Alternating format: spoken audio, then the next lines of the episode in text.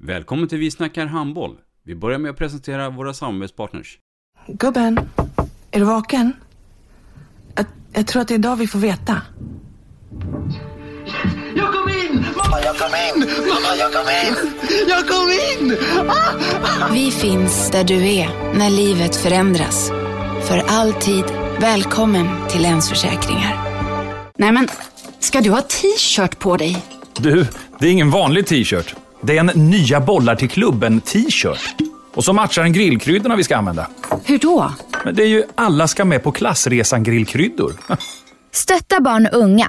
Shoppa på newbodyfamily.com. Länge leve föreningslivet!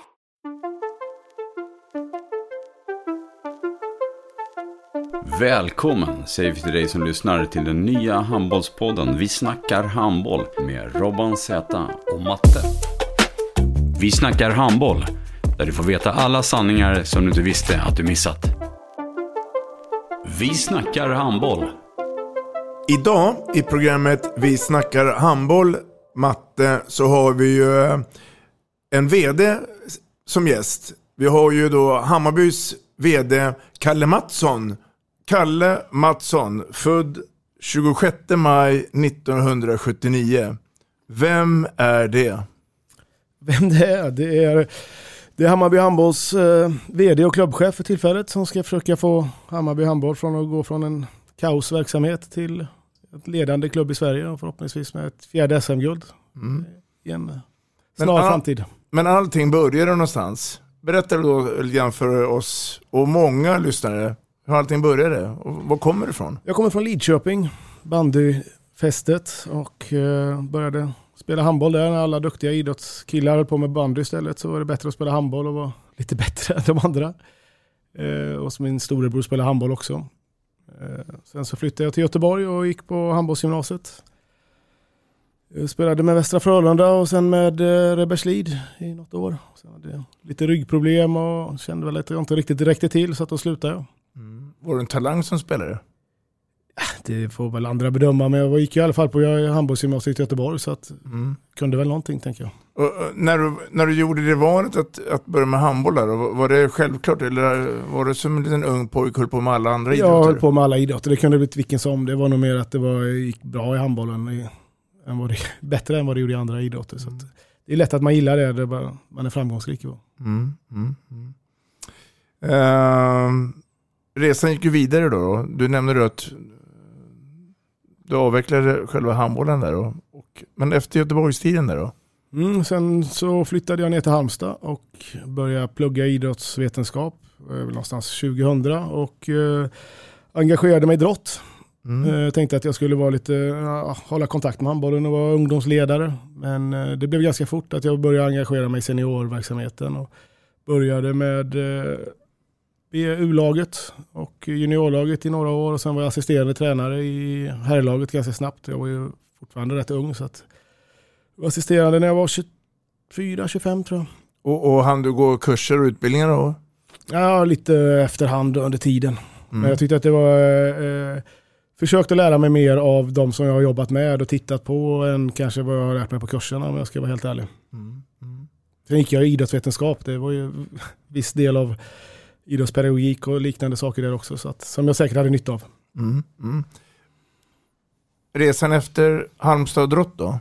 Sen, det har varit idrott i två år som assisterande och tyckte väl att jag kände att jag ville ha ett eget lag. Så då tränade jag Anderstorp i tre säsonger. Mm. Eh, och bodde kvar i Halmstad och pendlade fram och tillbaka. Mm. Ja, det var ju. Och då hade vi ingen sambo eller sånt där? Utan då Ja, då hade jag ingen sambo, det var min bil som, Ja, som var sambon. ja, typ Ja. så. Det var, ehm, ja, det var mycket tid på, på vägen där som kanske man kände efter ett tag att eh, pendlandet är inte det roligaste i världen. Men Mm. det var jätteroliga år och fantastisk eh, klubb Anderstorp att vara i. Jättebra gemenskap och trevliga människor. Mm. Mm. Och sen? Sen så flyttade jag hit till Stockholm och började i Hammarby som samma roll som jag hade i Drott från början med eh, U-laget och eh, ja, juniorlaget, B-laget. Och Staffan Olsson och Mats Engblom var huvudtränare. Mm. Eh, då, det var ett jag hade lite andra förslag från andra klubbar där jag kunde vara huvudtränare själv. Men jag tyckte väl att jag ville lära mig lite mer och tyckte att Staffan var ett, eh, och Mats också för den delen, var två personer som jag kunde lära mig av. Så det var därför jag flyttade hit. Mm. Sen har jag blivit kvar.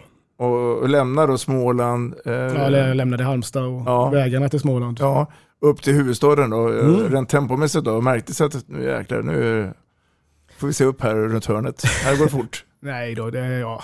Jag vet inte, jag känner mig att jag trivs bättre i den typen av miljö. Det är därför jag har blivit kvar här också. Mm. Jag, jag trivs jättebra i Stockholm och trivdes bra i Göteborg när jag bodde där också. Mm. Eh, tyckte väl att det gick lite långsamt i Halmstad kanske. Så det, Mm. det märkte väl en skillnad och det finns en skillnad men det, jag gillar den. Så att, Mm. Ehm, jag tänkte, vi går tillbaka för att, eh, i tiden och då tänker du, född 79. Han det bli något tävlingsspel med distriktslaget? Det, Västergötland då? ja, det blev det. Jag tänker då på Sverigecupen, Ja, precis gjorde det. det jag. Hur var den här årgången 79 i Sverige? Oj, Ja, Det är gamla Kalle. frågor. Eh, Jag vet att jag spelade i, i Sverigecupen ihop med Robert Arrhenius som uh, treor i försvaret och vi var ungefär lika stora. Och sen såg jag han ett år senare, då var han ett huvud längre och 15 kilo tyngre än vad jag var. Ja. Eh, annars fanns det väl en hel del bra eh, spelare.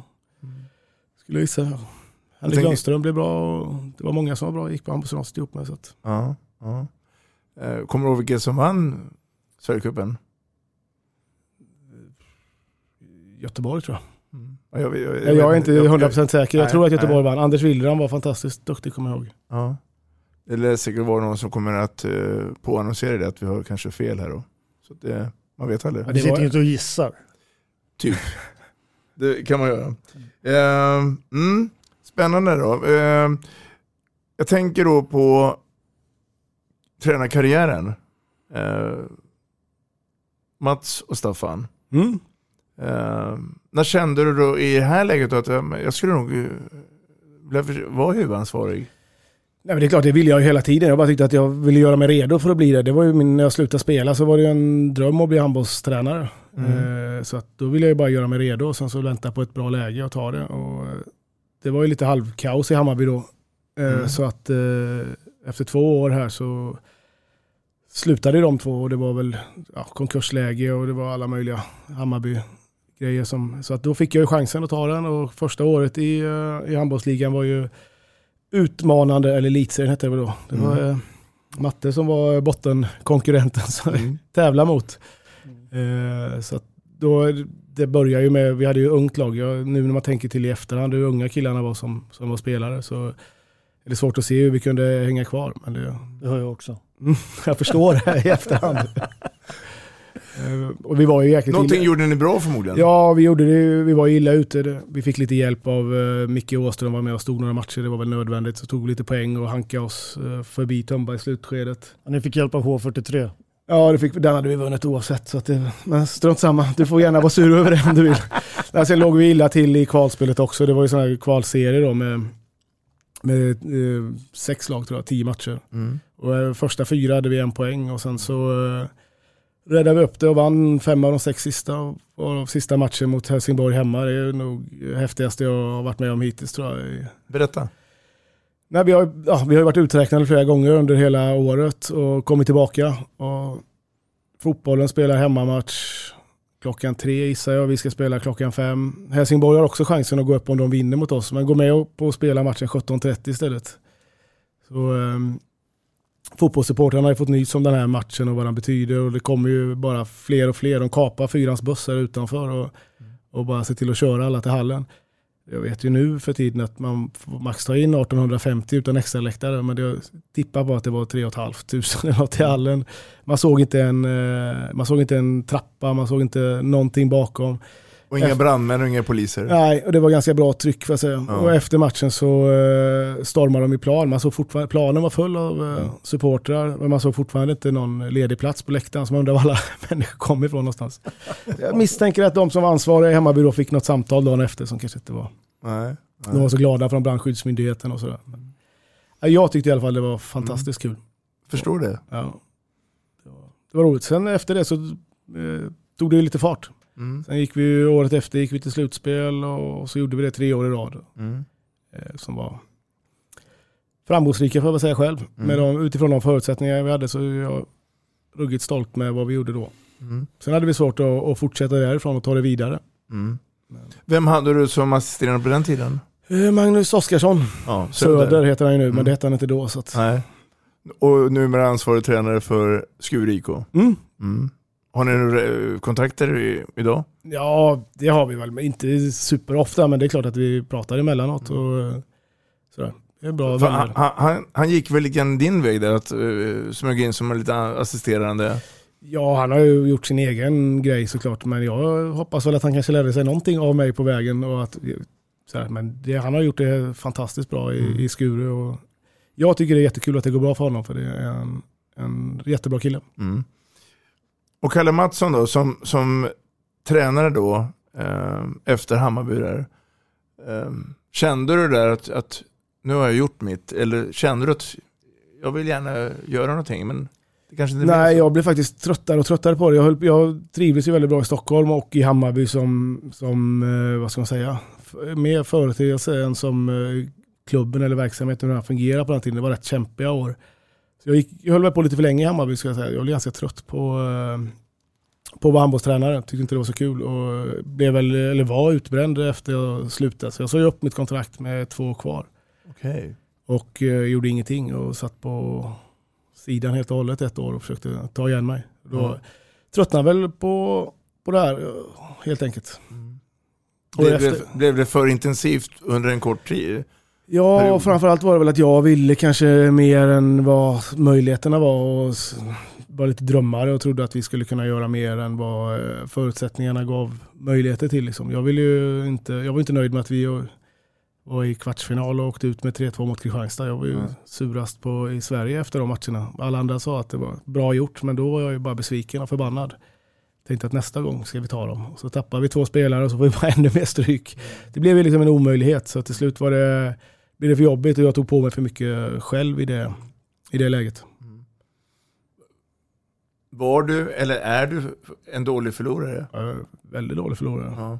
Det är ingen idé att prata med dig efter en match då, knappt? Det Eller? kan man säkert göra, man får inga bra svar i alla fall. Nej. Nej, men jag är en dålig förlorare, det är inget. Och Jag, Mm. Mm. Mm. Du, eh, jag tänkte vi skulle göra så att du skulle få en liten hälsning. Eh, från eh, en eh, vän till dig som är Hammarby-fan. Men har något annat uppdrag eh, i dagens Handboll-Sverige. Lyssna här får du se. Tjena Kalle, eh, Mikael Apelgren här, IK Sävehof. Vill bara skicka en, en hälsning och, och gratulera till allt det fina jobb ni, ni gör just nu i Hammarby. Jag tycker det är fantastiskt hur ni, hur ni har lyckats ena Hammarby-familjen och börja få klubben som, eh, som vi Hammarbyare eh, gillar så mycket och börja, börja jobba åt samma håll igen med lite ordning och reda. Så det ska ni vara riktigt stolta över. Ja, Micke Apelgren. mm, det var värmande ord att Ja, höra, det var ja. jättekul. Och då kommer vi in lite grann i, i det skedet då, då som, som du gör idag. Ordning och reda och försöka Mm. i alla fall skapa ordning och reda. Hammarby IF handboll är ju för mig ett satans starkt varumärke. Men vad man än pratar om Hammarby så kommer vi in om ekonomi. Kanske inte fotbollen, för de har ju. Eh, och vi har haft nollan här tidigare. Eh, berätta lite grann för oss nu då, som, hur, hur allt det här fungerar. För det är många sektioner, alltså olika sporter, olika grenar i Hammarby. Berätta lite grann, lite historien först där. Ja, alltså, det- jag är inte någon historiekunnare kring det egentligen, men Hammarby IF är ju en alliansförening och, och det paraplyorganisationen är, är Hammarby IF. Så sköter ju varje sektion sig själv helt enkelt. Och man eh, har gjort det historiskt sett också. Eh, och man kan tycka att Hammarby handboll är ett starkt varumärke. Jag är inte lika säker på att just det, för det är som du säger, Hammarby handboll förknippas med, eller har förknippats med ekonomiska problem och oroligheter och eh, kanske misskötsel. Samtidigt som man har tre SM-guld och gjort massa andra bra grejer. Och, och eh, sådär. Precis som Hammarby fotboll förknippades med det tidigare, men de har gjort en resa. Hammarby, Hammarby bara är ett fantastiskt starkt varumärke. Men att tro att vi själva bara ska kunna leva på det, det då är, man snett ute. Liksom. Samarbetar Hammarby internt med varandra, alltså mellan sporterna? Finns det någon? Historiskt sett rätt så begränsat. Jag skulle säga att det är egentligen tidigare år när jag var med från, som tränare och så där, jag upplevde kanske att det var mer en konkurrens. Eh, Det finns vissa Hammarby anknutna för företag som vill sponsra och så slogs de olika eh, sektionerna om de här pengarna. Liksom. Och det har vi väl tillsammans nu försökt att börja jobba i, oss bort ifrån och försöka samarbeta framförallt eh, ja, vi i handbollen, Hammarby bandy och Hammarby fotboll har satt oss ner och eh, försöker tillsammans göra någonting bra. Vi har bland annat ett, eh, en rättighet som heter Hammarby 360 där man kan gå in och sponsra eh, alla tre delar. Ha Hammarby året runt, eller varvet runt. Liksom, och att vi har tre eh, olika arenor här på ganska nära avstånd. I princip gångavstånd. Ja, och en fantastisk grej liksom, som vi ska vara stolta över och plocka fram gemensamt. Och att vi ännu mer ska vara det gemensamma varumärket varumärk, eller Hammarby och inte vara olika sektioner så mycket. Utan att vi ska hjälpas åt. Och vi har kommit en bit men vi har jättelångt kvar och jag tror att det finns mycket vinningar att dra där. Och, eh, vi- backar lite grann. Jag tänker på när du tillträdde den här rollen i Hammarby. Hur, hur gick det till? Var det någon som ringde frågor eller sökte du upp det här själv? Ja, alltså det, det var väl så att jag satt ju ett år på sidan och inte gjorde någonting och letade lite andra jobb och så var det ingen som ville anställa mig. Va? Nej, det kanske inte hela sanningen, men jag gjorde inte så aktivt jobb heller och funderade på vad jag ville göra. Jag var mer sugen på att jobba med något annat, kanske inte stå på golvet och instruera handboll och, och sådär.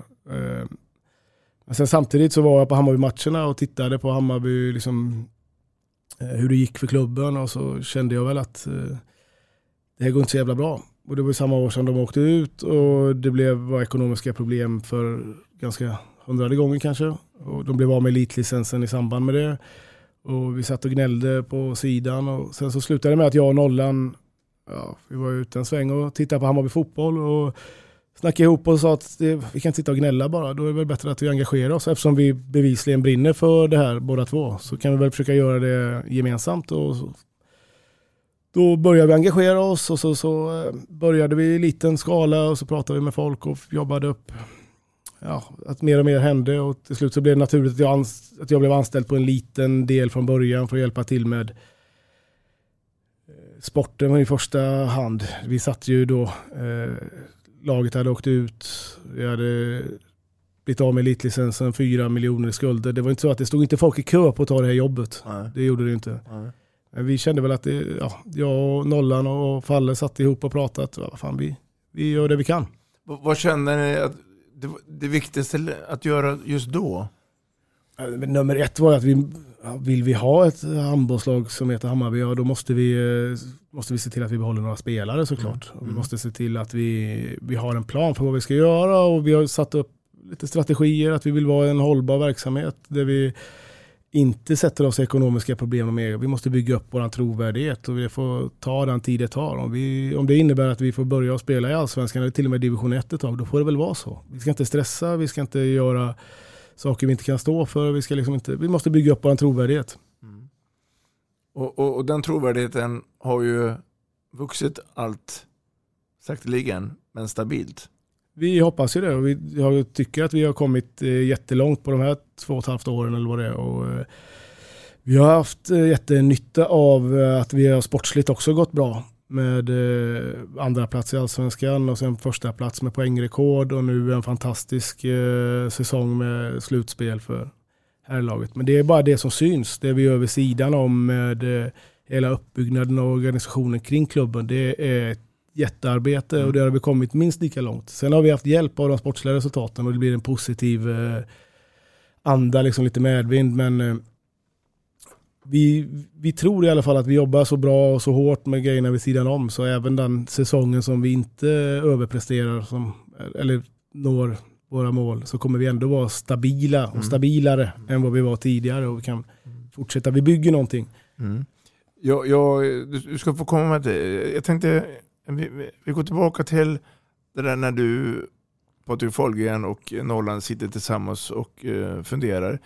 Var det bara då kring elitlaget? Eller hur såg föreningen överlag ut då? Ja, men det, det man kan säga, är, och det här är ju min, mina ord och mina bilder, så kanske folk, finns folk som inte håller med. Men eh, Hammarby herrelit är ju ett aktiebolag Mm. och så finns det en idrottsförening. Och när jag kom till Hammarby så fanns det två ungdomslag som drevs i föreningen. Som var väldigt, väldigt liten, obetydlig del av totala verksamheten.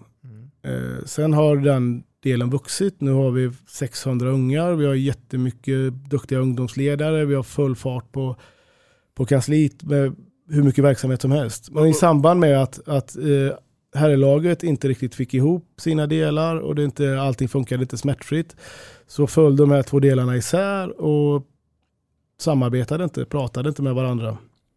Eh, utan mer eller mindre ibland motarbetade varandra. Och, Uh, ungdomsföreningen var rädda att uh, aktiebolagets skulder skulle käka upp uh, barnens pengar och att de inte skulle få några fördelar. Och, och aktiebolaget, eller herreliten, hade inga ungdomar som var på matcherna och tittade och stöttade i samma utsträckning som man kan göra. Det hjälps inte åt. Så det var våra första, eller en av våra första punkter, att vi måste bli en verksamhet. Sen om man råkar vara två juridiska personer, aktiebolag och en idrottsförening, det, det spelar ingen roll. Nej. Men vi måste funka i, som en och vi måste hjälpas åt. Och där har vi kommit fantastiskt långt. Och efter, På, på hur lång tid då? Alltså, På två, två, två två, år? två, två och ett halvt år. Och nu, nu räknar vi med, om allt går som det ska, att vi efter eh, årsmötet i juni har en speglad styrelse, så att det är samma styrelse på i båda verksamheterna och att vi totalt sett kan jobba ihop.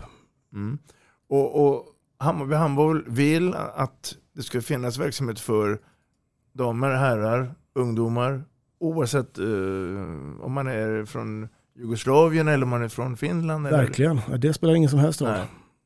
Mm. Man får komma varifrån man vill. Såklart. Alltså det vi vill vara en handbollsverksamhet för alla. Och Mm. Både på eh, de allra yngsta, vi har, nu har vi boll och lek från treåringar.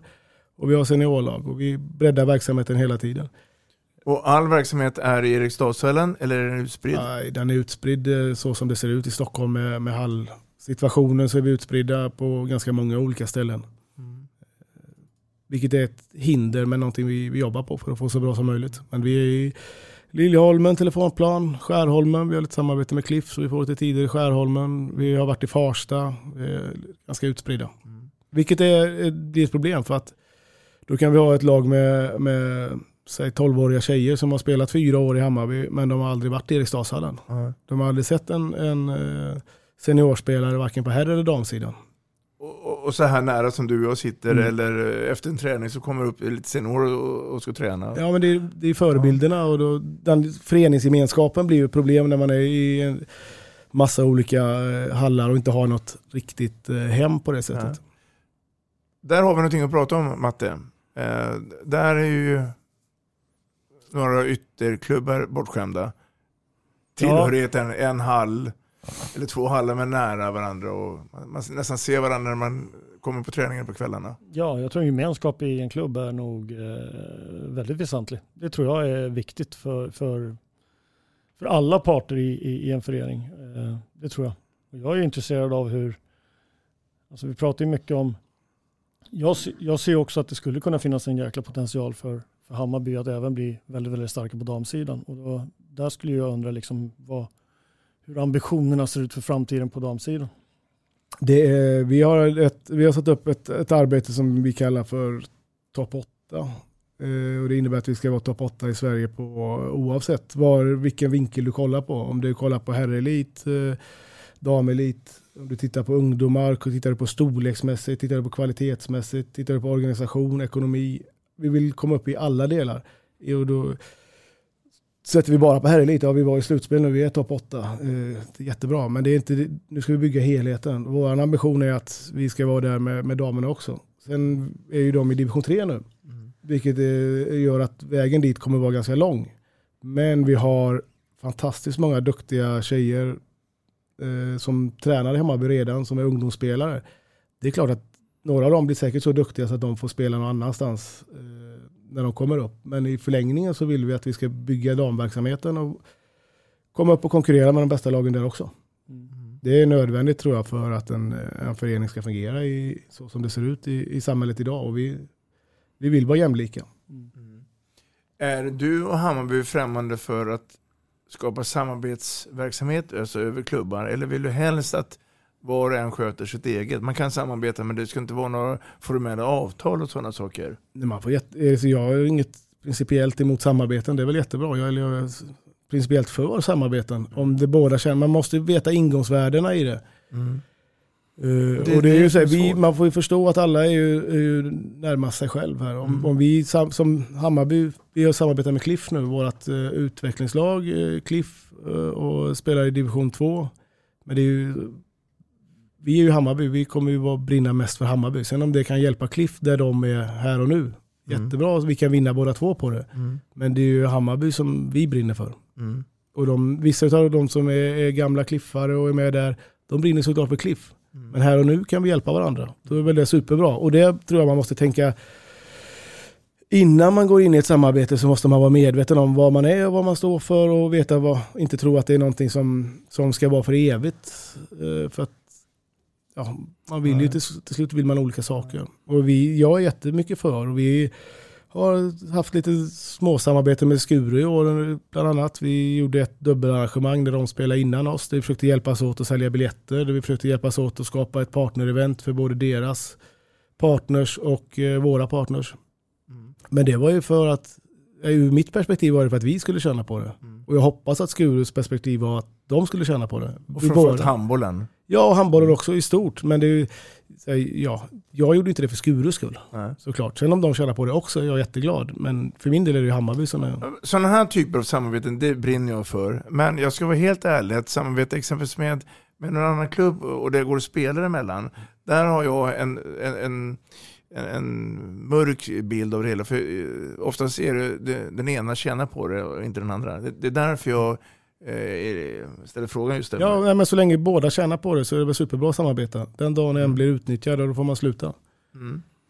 Om vi pratar då Stockholmshandbollen och Hammarby. Några föreningar i västra och södra Sverige tidigare förr har ju spelat sina hemmamatcher lite utanför för att alltså, propaganda av handbollen. Skulle du se möjlighet att Hammarby spelar någon hemmamatch i Uppsala eller någon nere i Tumba idrottshall för att främja sporten? Eller alltså jag, jag, jag ska vara helt ärlig och säga att jag är inte tillsatt i Hammarby för att främja sporten. Jag är tillsatt i Hammarby för att främja Hammarby. Mm. om vi tjänar på det ser jag inget som helst hinder med att vi spelar någon annanstans. Sen så tror jag inte att vi gör det, för vi ska ha respekt för en av våra absoluta styrkor och det är våra egna supportrar och våra egna Hammarbyare och Hammarbymärket. eh, Och de vill gärna vara på Södermalm och vi spelar i Eriksdalshallen mitt på Södermalm. Om vi lägger det i ja, Uppsala sa du till exempel, det är ju jättekul och vi breddar sporten men då, ja, de som är från Södermalm som vi är till för, Hammarbyarna, eller Södermalm, men så, ja, Stockholm och söder om stan, de får ju åka till Uppsala då, eller missa matchen. Och det är jag inte så säker på att jag vill göra den, eh, resan? nej, Nej. utan alltså, vi ska ju tjäna på det, Hammarby och Hammarbyarna ska tjäna på det. Då kan vi väl lägga det var som helst. Mm. Självklart. Tänker du på någonting? Alltså jag tänker på spelarna liksom. Eh, Jag är ju själv liksom jag är själv som vi har varit inne på ganska många av de här avsnitten. eh, Jobbar i mitt jobb idag inom handbollen att jobba med gymnasieverksamhet och ungdomar. Även om jag håller till på Tumba gymnasium så tycker jag liksom att det kommer finnas, alltså, det kommer finnas spelare där som eh, som inom, inom sin tid när de har slutat gymnasiet kommer bli eh, tillräckligt bra för att kunna vara med i en elitverksamhet på absolut högsta nivå. Det kommer finnas elever som, som, som kommer kunna kanske spela på allsvensk nivå. Det kommer finnas elever som går ut som kommer kunna spela på division 1-nivå och neråt. Och jag tycker det känns viktigt att i Stockholm ha fungerande verksamheter på alla de här olika nivåerna så att vi kan behålla de här uppe i Stockholm och inte måste dra iväg till andra ställen runt om i Sverige för att, för att spela. Och ni är ju dragplåster eller en magnet. Borde det vara så? Ja, vi hoppas ju att vi kan vara det. Och hoppas att vi blir ännu mer. Mm. Och att vi får, eh, ja så- såklart, vi vill ju attrahera de bästa spelarna. Om, det är ju, om vi ska vinna SM-guld och vara ett topplag i framtiden, då behöver vi ha de bästa spelarna. Mm. Det är, så enkelt är det. Så vi vill ju vara det. Och vi, vi, vi tycker att vi, vi förbättrar förutsättningarna och möjligheterna steg för steg. Men vi har, vet ju själva också att eh, de förutsättningarna vi ger våra killar nu, det är inte samma som det är på andra ställen. Det är inte samma som att spela i Sävehof eller Ystad eller Kristianstad eller Skövde. Vi måste, och det är de fyra som är i semifinal. Ska vi vara där så måste vi kunna erbjuda det i Stockholm också. Då måste vi göra ett, eh, jättemycket arbete vid sidan om för att skapa de förutsättningarna. Jag förstår spelare som, som försvinner härifrån och har försvunnit från Stockholmshandbollen. Det, det är inte orimligt liksom. Nej. Och det är, liksom- det, det är naivt att tro att, att de ska vara kvar bara för, för Stockholmshandbollen eller för handbollens skull. Vi måste vara så bra så att, de, att det är attraktivt att vara här. Mm. Och det finns vissa, vi har ju vissa fördelar här som inte finns någon annanstans. Och lyfta fram dem och jobba med det istället. Patrik Fahlgren har ju, var ju inne på det, alltså att, att Hammarby måste hitta sitt, alltså sitt eh, säte för att det ska kunna vara, bra då. Du, du var inne på det här eh, när vi pratade om målbilder, att eh, vara topp 8 och det.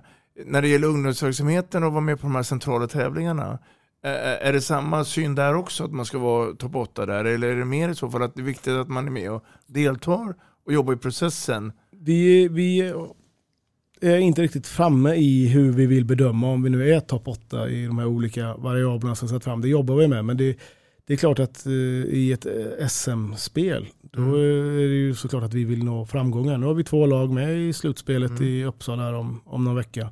Det är ju superkul. Det är klart att vi vill vara framme och vara duktiga och vi tror ju att om vi bedriver en, en bra verksamhet där vi har duktiga instruktörer, de tränar på ett bra sätt, de spelar handboll på utifrån vad vi tycker är ett bra sätt, då kommer också eh, resultaten komma av det. Sen är kanske inte resultaten i sig det absolut viktigaste, utan det är vad vi gör i verksamheten. Mm. Mm. Jag tänkte vi skulle prata en grej som du brinner för mycket. Och det är ju det bästa för Hammarby och, och pengar och ekonomi. Eh, men jag tänkte vi skulle se om du ska få eh, en hälsning här som eh, jag tror du känner igen. Tjena Kalle, eh, Jimmy Karlsson här, Skånela IF. Jag har två frågor till dig.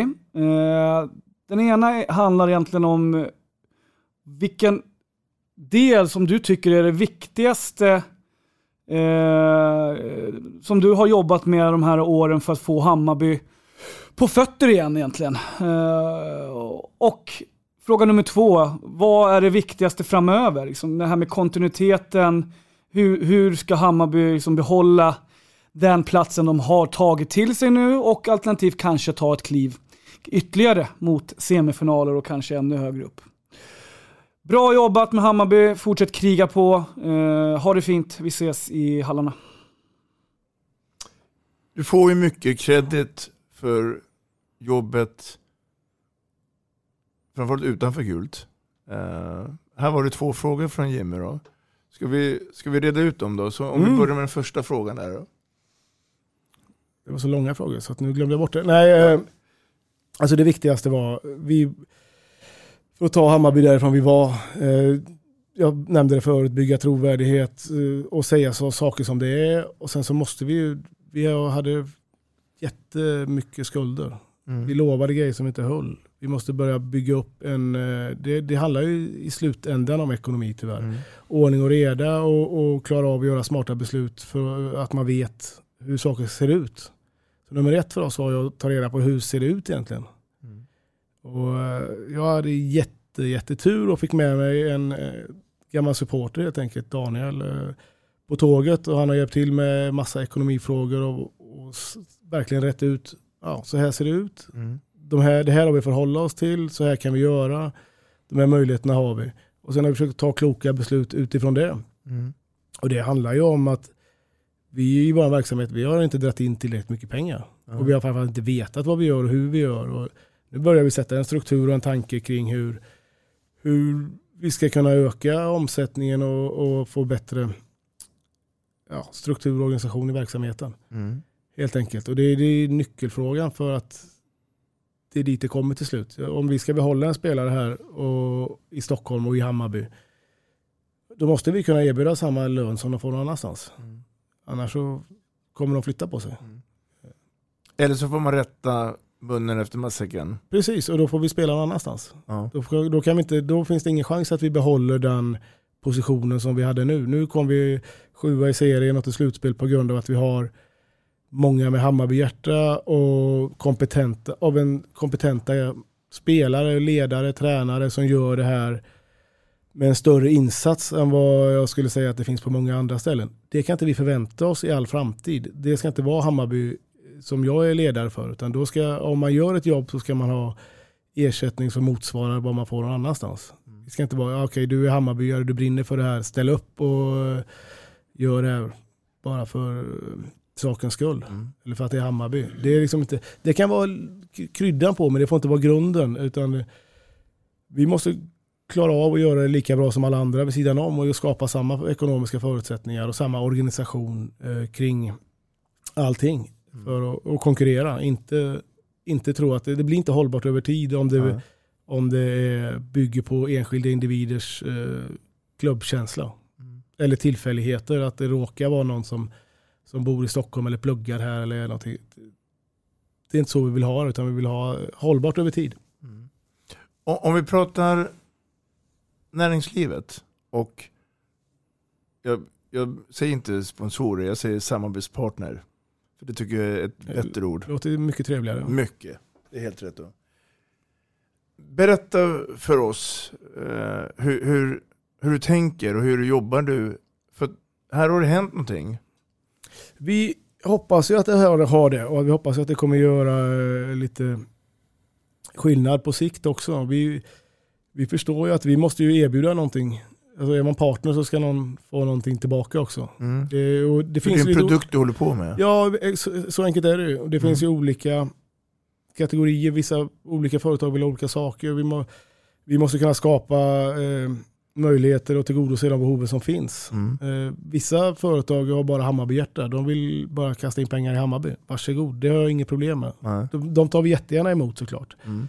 Sen finns det andra som vill ha en, en, eh, en upplevelse. Ja, de, vill, mm. de vill ha en upplevelse, mm. ett event där de kan ta med några eh, utav deras eh, kunder eller partners till. Då måste vi göra våra matcher till någonting som folk kan ta med sig sina, de de vill dit. Och uppleva det som en, som, som en rolig grej för sitt företag. Mm. Och där har vi jobbat ganska hårt och kommit en bit. Och det grundas ju i att vi, vad jag tycker har en en häftig, ett häftigt match, matchupplevelse mm. som grundar sig mycket i vår fantastiska publik och att det är lite drag kring matcherna. Mm. Vi jobbar med det för att göra det så bra som möjligt. Eh, sen finns det en annan del att vi, vi många företag vill göra affärsnytta mm. och då behöver man ha ett nätverk, man behöver ha, skapa möjligheter för dem att kunna göra business med andra partners.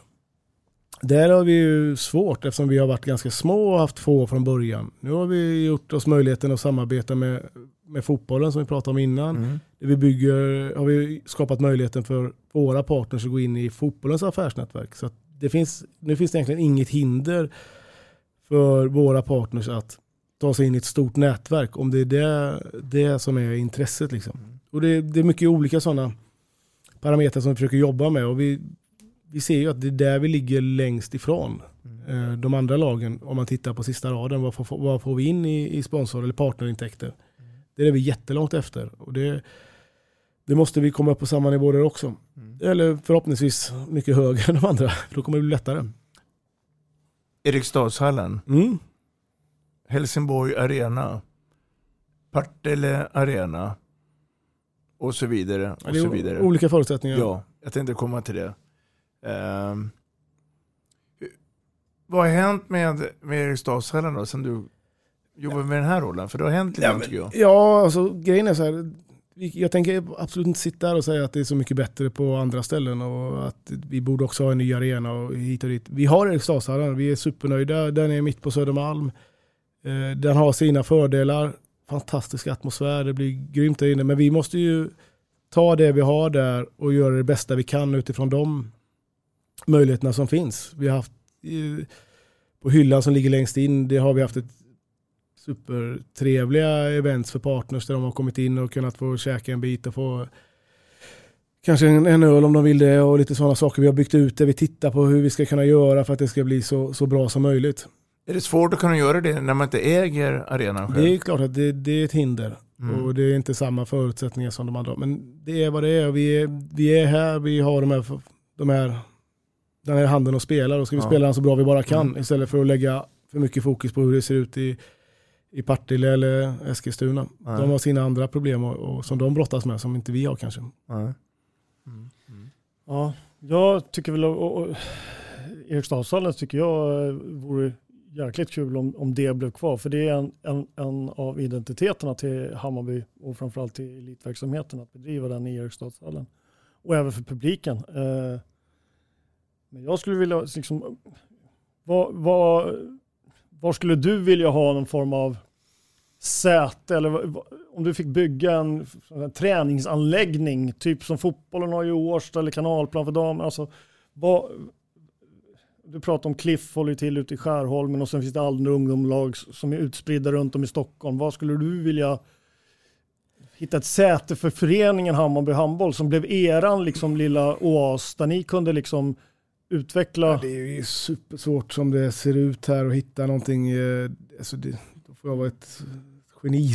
Det är jag inte. Alltså det, det, det finns hur många ställen som helst, det, det, men det är inte möjligt. Liksom. Nej. Det, det är det problemet är, det är därför det inte finns. Ja, det ligger bostäder där, de är värda mer än vad ja, intäkterna skulle vara från den typen av ställen. För min del, får vi ett ställe där vi kan vara så är det superbra. Får vi ett ställe där vi kan vara med hela föreningen på samma ställe, ännu bättre. Mm. Får vi ett ställe där vi kan vara hela Hammarby, som kanske är en äh, större möjlighet, ja, då är det jättebra. Sen kan det bästa mitt på Södermalm, ju längre ut vi kommer, fortfarande jättebra lite sämre men jättebra. Är det långt bort, eller långt bort, men är det några tunnelbanestationer ut, det är inget större problem heller. Men att vi vill ha ett tillhåll för, för oss, för alla, det vore jättetrevligt. Exakt vad det är, det, det, det är omöjligt att svara på. Och det kanske inte är det viktigaste i frågan heller. Utan vi, det är vi anpassningsbara och det går att åka tunnelbana och bussar och allting här. Och cykla också om man gillar det.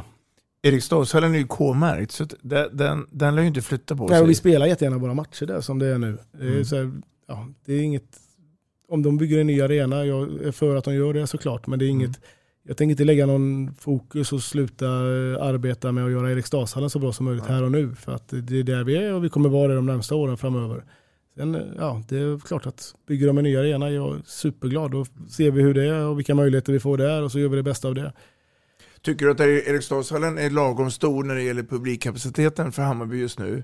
Just nu, runt 2000. just nu 1850, utan ja. just nu perfekt. Ja. Uh, förhoppningsvis för liten om ett år. Mm. Vi har ju gjort ett, uh, i mina ögon, ett jättebra jobb och, och, ökat publiksnittet detta året utifrån hur det såg ut uh, innan när vi var i, i handbollsligan. Mm. Vi hade 2013 tror jag vi hade 1400 i snitt. Sen varje år hade vi mindre och mindre och mindre och mindre. Slutade sista året i handbollsligan på 750 någonstans. Mm. I år igen utan restriktioner har vi över 1100 i snitt. Har det hänt eh, den gången i säsongen att ni har använt lilla Eriksdalshallen? Inte i år. Vi Nej. hade tanke på att göra det i slutspelet mot Skövde men sen kände vi att vi sålde inte riktigt tillräckligt Nej. snabbt för att, det finns ju en kostnad i det. Mm. Och jag personligen tycker väl också att det kan ibland döda lite av stämningen. Det går, Bygger man upp extra läktare där och den blir halvfull så blir det inte samma kompakta stämning. Så hellre, hellre ett fullsatt 1850 än att ha 2000 extra läktare. Då måste vi upp på 2-3 eller mm. något sånt. För att det ska bli samma tryck. Mm. Du, eh, bayern fans mm. Berätta lite om den organisationen. Ja, jag vet inte vad, vad jag ska säga om dem. Det är ju, alltså, det är ju en supporterorganisation eh, eh, som supportrar Hammarby helt ja. enkelt. Och, och med fantastiskt, fantastiska människor och, eh, som har klubbhjärta och, och brinner för föreningen. Mm. Och, och, ni säljer säsongskort? Eller mm. är det man köper Vad, match?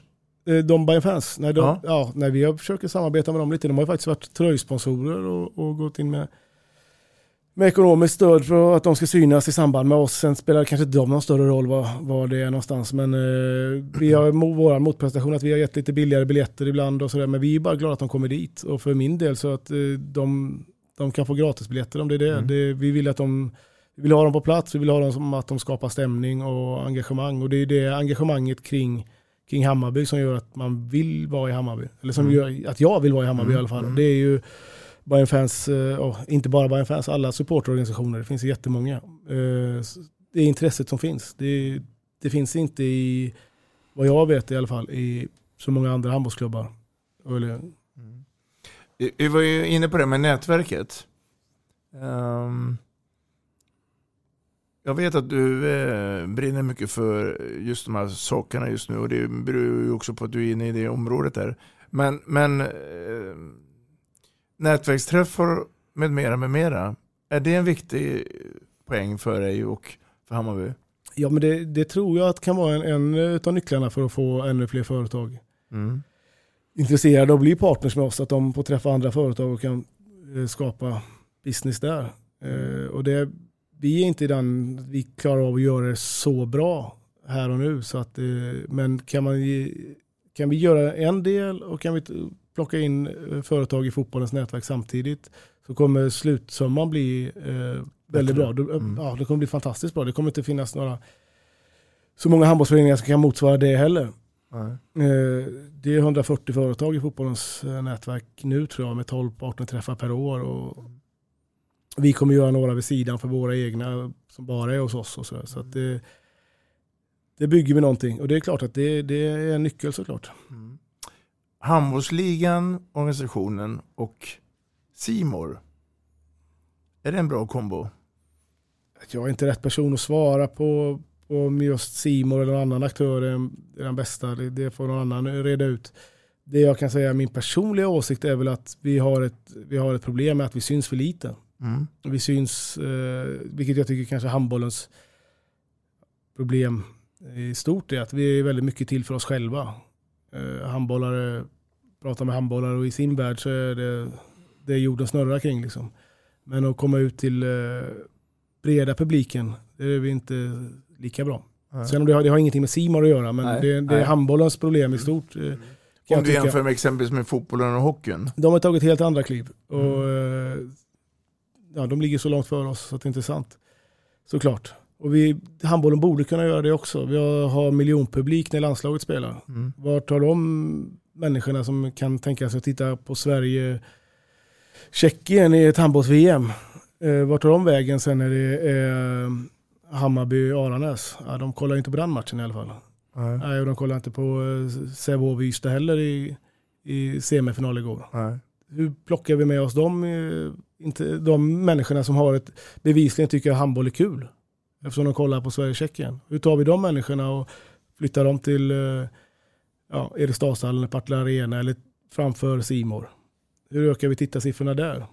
Det är ju inte så, bygger man det intresset kring handbollen, ja, då har vi en produkt som är värd någonting. Då kan vi eh, ta betalt och då kan vi skapa bättre förutsättningar för våra spelare. Vi blir ju ifrånåkta i, i Sverige som det ser ut nu. Både Norge och Danmark, ja, framförallt Danmark är ju hästlängder före oss och Norge kommer ju gå förbi oss också. Då menar jag inte kvalitetsmässigt. Landslaget är superbra. Men i vad vi gör av vår verksamhet eller produkt. Vad säger du Matte? Nej, men eh, för att alla har ju inte tillgång till handboll eh, idag utifrån att sänds, de flesta matcherna känns som streamingtjänst eh, via Simor eh, men eh, så är det väl likadant egentligen för hockeyn och fotbollen. Alltså, du måste ju ha Discovery Plus för att kunna se allsvenskan i fotboll och du måste ha Simor för att kunna se allsvensk hockey eller allsvensk fotboll. Men de, de var de har ju varit mer publika historiskt sett i, i, i Sverige, vilket säkert ja, har hjälpt dem när de går in i den, ja, där de finns idag. Liksom. Eh, så jag tror att det finns betydligt fler människor som, som tar Simor för att se på hockey eh, eller Discovery Plus för att se på fotboll än vad det finns allmän publik som, tar, eh, som betalar för Simor för att se på handbollsmatcherna. Ja, och det är därför hockeyn och fotbollens eller organisationer får bättre betalt Ja. i tv-rättigheter. Så är det. De syns mer. Mm. Och då, då måste vi se till att folk köper Simor eller vilken det nu är för att, köpa, för att verkligen se på handboll. Vi är intresserade. Jag tyckte landslaget var kul att se. Nu ska jag titta på handbollsligan också. Mm. Och när folk köper det, då kan vi, eller handbollsligan, ta betalt för det. Eh, såklart. Apropå landslaget då, om vi släpper lite grann med eh, Hammarby så ska vi då ha ett VM på hemmaplan 2023. Bland annat här i Stockholm. Kan du redan nu börja eh, promota då, då varumärket Hammarby men som en liten extra eh, tårtbit få se landslaget? Jag tänker på nu när du ska sälja in kommande säsong. Ja, vi har, vi har, jag förstår hur du tänker och vi har tänkt samma bana. Vi har gjort, eh, vi har en liten grej på gång där med att ta med våra partners på landslaget också. Men det, ja, det, det, vi får se hur väl det faller ut. Eh, det är ju superkul och det, det, det kommer ju smitta av sig och skapa intresse. Men vi måste bli bättre på att ta tillvara på det. Exakt hur man gör, jag har inte svaren eh, sittandes här. Liksom. Men det är klart att om vi har ett, ett mästerskap här med nu 20 000 på Tele2. Klart någon tycker ju, de är där för att titta på handboll och tycker det är kul. Vi borde kunna få dem till Eriksdalshallen sen också. I alla fall några av dem. Eh, så att det beror lite på vilken ingångsvinkel man har. Eh, men det är klart att vi ska försöka dra nytta av att det är ett hemmamästerskap. Men det kommer jag ju personligen titta på ur Hammarbys eh, perspektiv och hur vi ska, som klubb ska kunna dra nytta av det. Om det är att få folk att bli, komma och titta på oss, det är det jag vill. Eller bli partners med oss. Det är det, de sakerna jag är intresserad av. För nu, nu är du inne på någonting som jag tänker också på. Då och då händer det ju, Eriksdalsson, att det kommer in klubbungdomar. Alltså från andra klubbar, inte bara Hammarbyter. Mm. Det är någon som har tänkt på det. Ja, vi har haft en idé om att vi försöker bjuda in ungdomslag i Stockholmsregionen och de har fått eh, förmånliga priser. Eh, jag tror att vi inte riktigt det har nått ut tillräckligt brett bara. Vi vill ju att om de är, eh, är handbollsintresserade eh, och gillar elithandboll, då borde det passa att komma och kolla på oss i Eriksdalshallen. Det har varit vår tanke. Får vi dit dem några gånger, får vi dit ungdomsspelarna så får vi med föräldrarna. Eh, när de, om de går dit som ungdomsspelare och blir duktiga, då kanske de vill spela i Hammarby sen. Så att vi gör det för att vi tycker att det är en bra grej för oss. Men sen gynnar det, jag tror att det gynnar handbollen i stort också. Det är väl jättebra. Och vi kommer fortsätta med det. Och det, det kommer vara alla ungdomslag i Stockholmsregionen, eller hela, alla ungdomslag som spelar handboll. Vill man gå och titta på Hammarby, hör av er så kommer vi skapa en jättebra möjlighet att, att få biljetter till ett överkomligt pris.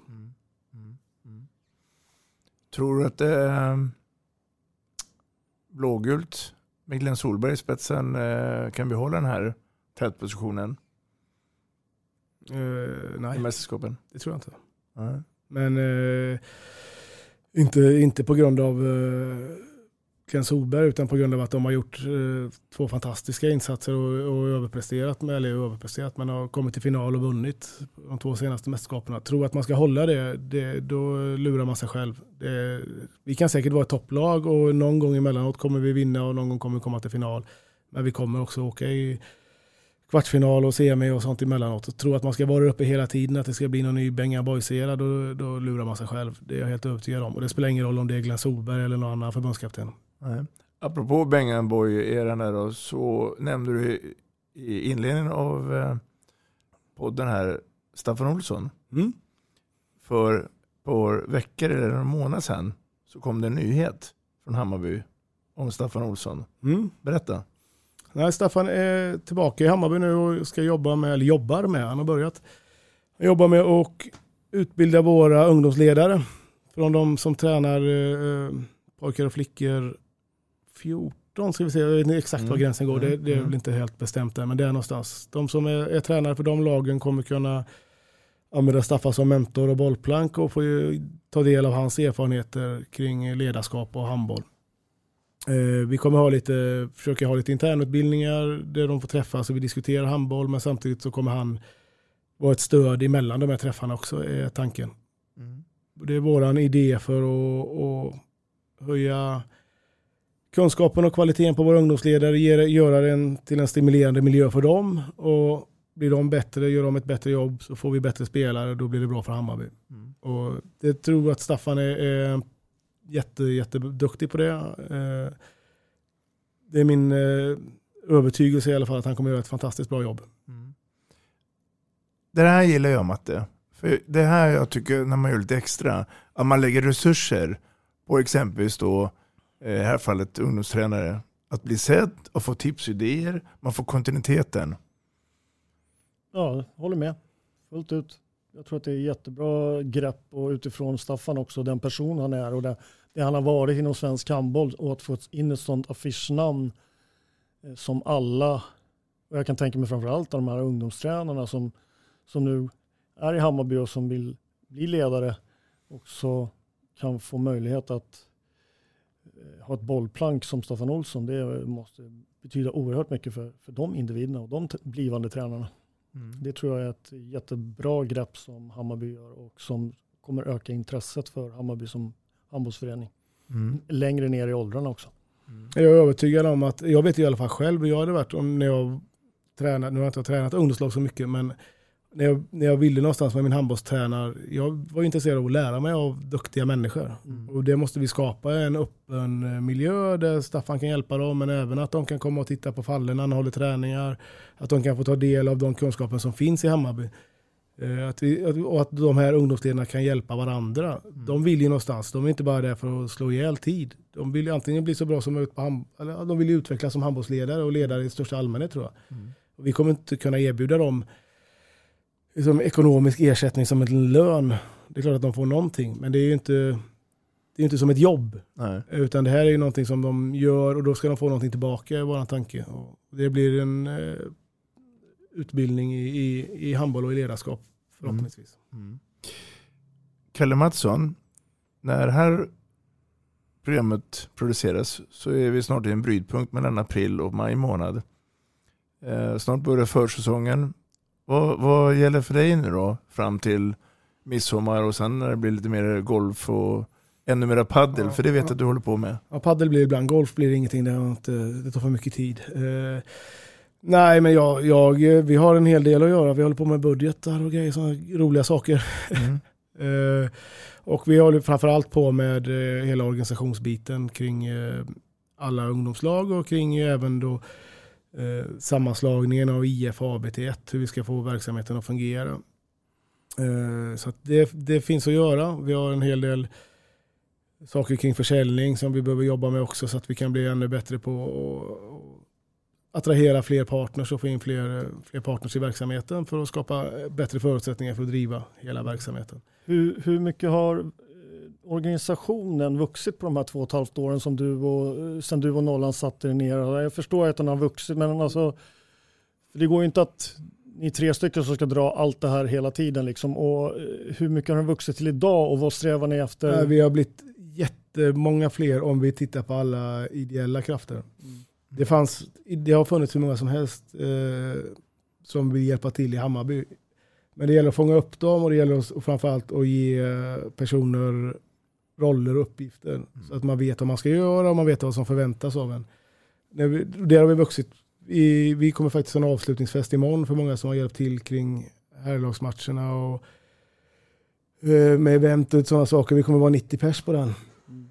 Så det växer och vi växer hela tiden. Vi, måste, vi vill bli fler, vi kommer bli fler, men vi måste hela tiden vi måste ge folk tydliga uppgifter. Att man inte bara är med och man gör ja, ingen vet vad personerna gör eller ingen vet vad den andra gör. Utan vi måste ha lite klarhet i vem som gör vad och, och liksom förhållningar, eller förhållningsramar för de som jobbar. folk vill ställa upp för Hammarby. Mm. Det är inte vårt problem, men vi måste, vi måste sätta dem i, i, i roller där de vet vad som förväntas. Så att de kan göra ett bra eller dåligt jobb där. Vi kan utvärdera vad de gör, eller en bra eller dålig insats. Det är inte jobb på det sättet. Det där tror jag också är någonting som är jätte, jätteviktigt i föreningarna i stort i, runt om i Stockholm. För att oftast blir det så att begränsningen av antal människor är, är inte oändlig. Och jag tror att det är många som känner som man skulle vilja vara med och, och, hjälpa till inom kanske ett eller två områden. Men man är rädd att gå med och göra det för att de, man menar på att man är rädd för att om man då tar klivet och börjar, så, så får man, då börjar det med en sak och sen blir det två och tre och så blir det ohanterbart för att det blir för mycket saker. Så jag tror att det är jätteviktigt att man har en struktur och organisation kring att du, det menar att du ska vara med i den här gruppen och ni ska jobba med det här och din uppgift i den här gruppen är att göra det här. Och så kanske det blir fyra timmar i veckan Istället för att man känner att man måste lägga all ledig ja, tid på... Det är så lätt att man drunknar ja. i ideell verksamhet. Ja. Alltså, så enkelt är det. Vi, måste ha, vi måste vara tydliga. Det här är vad det är. Gör du det superbra. Du behöver inte göra något annat. sen är du med i Hammarby. Sen är du en del av Hammarby. Du är en del av oss. Jag kommer minnas av det här samtalet, det är egentligen det sista du sagt, att ni ska göra en, en fest för alla som har ställt upp. Det tror jag är oerhört viktigt. Att få bli sedd och få en liten belöning på det man har gjort. Eh, klockrent. Ja, vi hoppas det. Vi hoppas att det blir kul imorgon också. Ja. Kalle Mattsson, det är ju så att tiden har kommit ikapp oss. Eh, det har varit en ära att ha haft det här under programmet Vi snackar handboll och jag eh, hoppas att det är ömsesidigt. Varit nära att vara här Robban. Tack så mycket för den du är. Lycka till nu framöver. Lycka till Kalle. Tack så jättemycket. Just idag är jag stark, just idag mår jag bra. Jag har tron på mig själv på min sida. Jag har väntat så länge på just den här dagen. Och det är skönt att den äntligen kommer. Väntat så länge på just den här dagen. Den ger lust.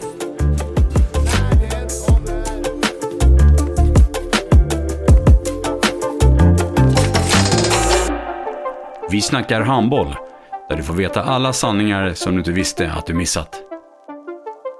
Vi snackar handboll. Vi snackar handboll produceras av produktionsbolaget High On Experience, från vision till passion. Ett avslutande tack till våra samarbetspartners. Hallå! Kommer ni eller? Ja, ja.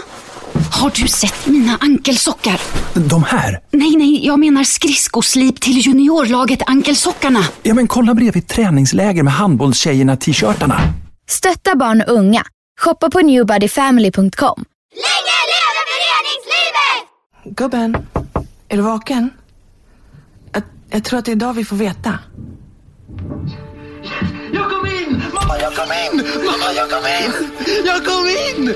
Ah! Vi finns där du är när livet förändras.